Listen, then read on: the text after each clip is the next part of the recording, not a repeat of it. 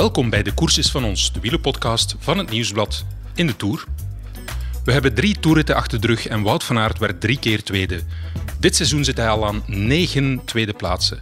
Tel daarbij zijn ondankbare zilveren medaille tijdens de Olympische wegrit vorig jaar, zijn zilveren plakken op de voorbije twee WK's tijdrijden en last but not least zijn tweede plaats in de Ronde van Vlaanderen 2020 na een millimeterspurt met Mathieu van der Poel.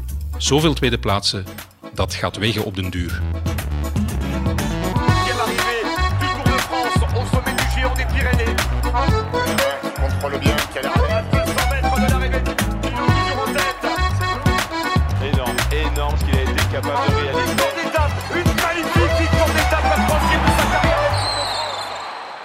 En dan vraag je je af of het geluk van de gele trui dwars door alles heen straalt, of er toch een wolkje in de weg zit door die drie gemiste ritzeges. Yeah, it's a good question. I think uh, I, I, better force myself to be really happy with this position. I, I dreamed uh, for a long time to wear this yellow jersey, and uh, like you said, I'm doing good things for uh, green as well. And this has been a big goal uh, the whole season and in the preparation. So. Um, actually everything is going really really good but uh, like you say I, I like to win races and if you then come come close like uh, like I did the last couple of days it's, it's sometimes with mixed feelings um, on the other hand I expected these stages to be not really my cup of tea because it's really pure bunch bunch, bunch sprint and during the day it's not too hard so uh, it gives me confidence for uh, better opportunities that will come. Ook bij de start viel het ons al op dat zo'n gele trui toch een ander gegeven is voor veelwinnaar Wout van Aert dan voor Yves Lampaard. Ik neem je mee naar Velje, misschien wel de meest enthousiaste startplaats van het Deense drieluik. De sfeer daar was overweldigend. De zon scheen, de Denen dronken overvloedig van probably the best beer in the world. Huizen en appartementsgebouwen waren getooid in vlaggen en de straten stonden afgeladen vol. Wat een decor om de gele trui te dragen. En toch viel dus op dat zo'n gele trui voor Wout van Aert en Jumbo-Visma in zekere zin tot de dingen des levens behoort. Lampaard lag een hele nacht te woelen in zijn bed, maar bij Wout van Aert zagen we geen kleine oogjes. De tweede plaats in de rituitslag, de hogere doelen van de ploeg, het zorgde ervoor dat er s'avonds wel een voldaan gevoel was, maar geen losgeslagen euforie. Van Aert gaf toe dat het pas ochtends tot hem doordrong wat hij verwezenlijkt had. Maar ik keek er zeker en vast naar uit om de gele trui te dragen tijdens de laatste etappe in het wielregekke Denemarken met honderdduizenden supporters langs de kant. Het was een beetje hetzelfde als gisteren. Het was echt uh, immens om mee te maken. Zoveel mensen langs de kant. En, uh, uiteindelijk was ik gisteren niet echt uh, ja, euforisch of zo. Omdat ik heb uiteindelijk ook die koers niet gewonnen. En, het was denk ik pas laat gisteravond als ik foto's kreeg van de vierende familie en uh, vanochtend buiten ontwaken, dat ik echt besefte van ja, ik heb al die gele trui, dus het is, het is niet zomaar iets. Dus uh, het besef kwam eigenlijk best laat dat, uh, ja, dat ik hier al echt van moet genieten. Bij Quickstep Alpha Vinyl werd voor de ritzege en de gele trui van Lampaard champagne ontkurkt. Bij Jumbo-Visma niet, zo vertrouwde Tish Benoot ons toe. Tish Benoot, de leider in de ploeg, wat betekent dat, de leider van deze race?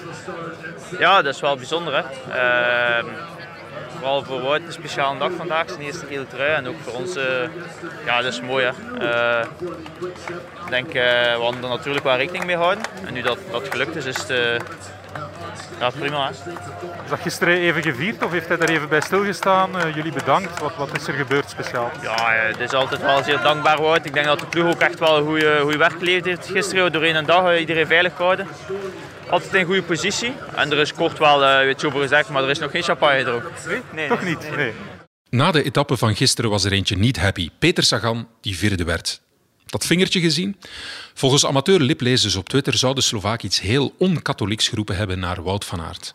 Sagan kwam langs rechts opzetten, maar moest inhouden voor Van Aert. En daar was hij niet gelukkig mee. We gingen langs bij de bus van Total Energie, waar we eerst wandelen werden gestuurd. Peter had al gesproken, zo klonk het. Maar toen ze het windkapje van het nieuwsblad op mijn microfoon zagen, mocht het toch. Kennelijk wilde men dat de boodschap in België goed zou overkomen. Tja, Peter Sagan en Wout van Aert zullen nooit samen kerst vieren. Zoveel is duidelijk. Met een klein hartje stapten we op een nors kijkende Sagan af. Peter, uh, can you explain what happened in the sprint? How was your sprint? Yeah, I was in a very great position, but uh, in the end I was hard. Fine. You were to the side? you were to the side and you had the impression that you couldn't pass because of Van Aert's movement, or Nah, because he was moving. You're right. Uh, well, after I touched him and uh, and uh, well, I was partly fine. yeah. the finger was at him then? Yeah, Yeah, yeah, he knows why. yeah. Did Yeah. you talk to him afterwards? No. No, it was no time. Yeah. So you you feel you had the legs, but his movement was not allowed. You think? It's not about it. His movement was ugly, but uh, let's let's uh, lay it like it is. It's fine. Yeah. Okay. Een ugly movement van Van Aert, zo dacht Sagan erover. We informeerden meteen collega Wim Vos in de perszaal en die vroeg Wout van Aert ernaar. Die was zich van geen kwaad bewust.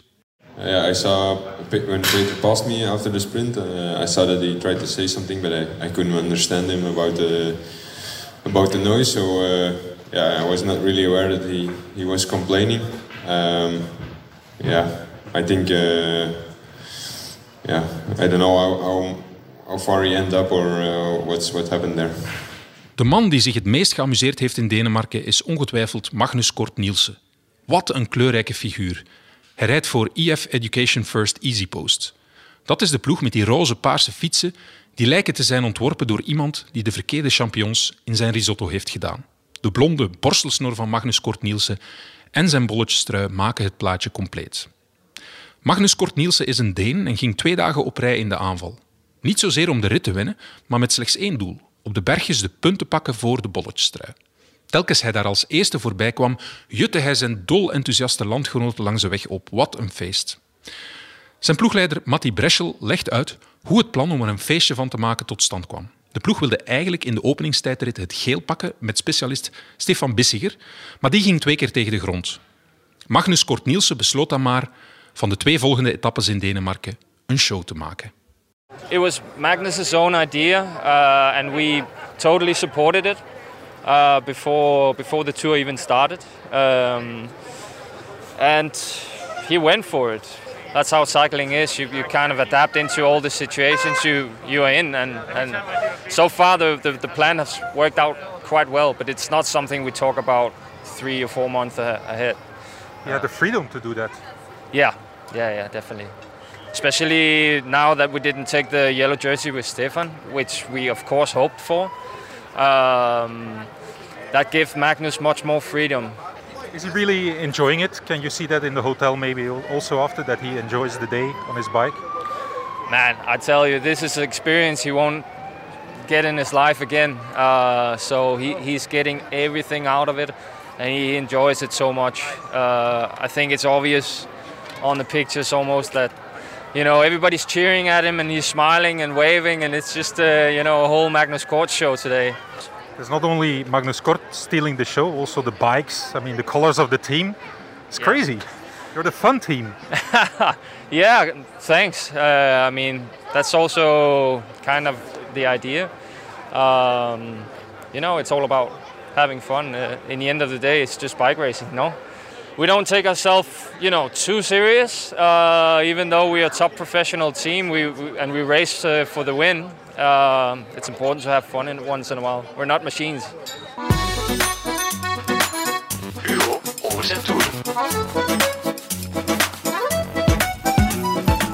Elke dag nemen we jullie ook mee in de tijd. En dat doen we met een journalistiek monument van het Nieuwsblad. Hij werd sportjournalist in mijn geboortejaar 1983 en heeft 25 Tour de France's op zijn palmares. Geloof het of niet, maar dat het zou regenen in de Tour had Hugo Korevits voorspeld op basis van een oude wielerwijsheid. Zelfs in tijden van klimaatopwarming blijven die overeind. Maandag wordt er niet gefietst, maar ehm, verzet de karavaan zich van Denemarken naar Duinkerke, wat dus ja, een beestig zware verplaatsing is. We komen uit het noorden, dus hebben we dit jaar eh, door de opbouw van het parcours een tour in Wijzerzen. Eh, vroeger eh, zei men altijd een tour die uit het noorden komt, koude tour. Dikwijls kans tot koude tour. Regen ook. Maar ja, sinds de klimaatopwarming is dat waarschijnlijk ook veranderd. Wat anders ook veranderd is onder Predom, is eh, dat men niet langer de ongeschreven regel aanhoudt van het ene jaar gaan we in Wijzer zijn door Frankrijk en het andere jaar gaan we in tegenwijzers in door Frankrijk. Vooral Prudhomme heeft met eh, het inpassen van het Centraal Massief gezorgd dat eh, die regel van wijzers in en tegenwijzers in eigenlijk naar de geschiedenisboeken is verwezen.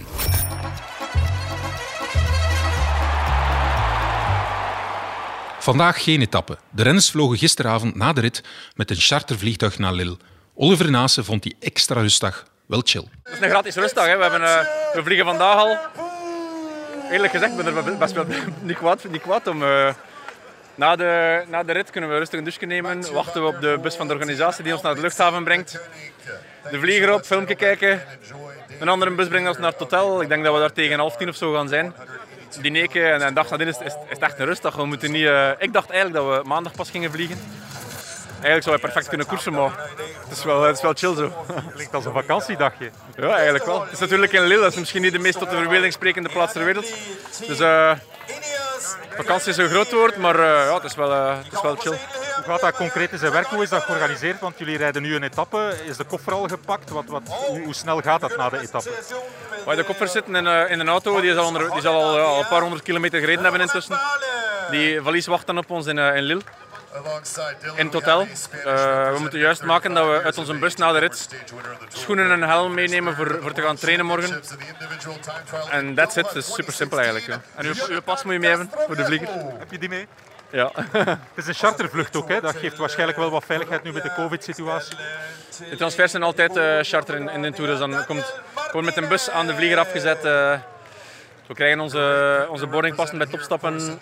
Moet, moet, is het niet in de luchthaven of niet? Er staan er drie vliegers te wachten. Opstappen en wegwezen. Dat is uh, heel relaxed. Ziezo, we zijn aan het einde gekomen van ons vierde uitstapje in de Tour de France. Bedankt dat jullie er opnieuw bij waren en heel graag tot morgen. Rustdag of niet, dan zijn wij er opnieuw vanaf 7 uur s ochtends. Bij gebrek aan koers op tv, geniet van de belangrijke bijzaken in het leven en hou het, zoals Oliver Naassen, chill.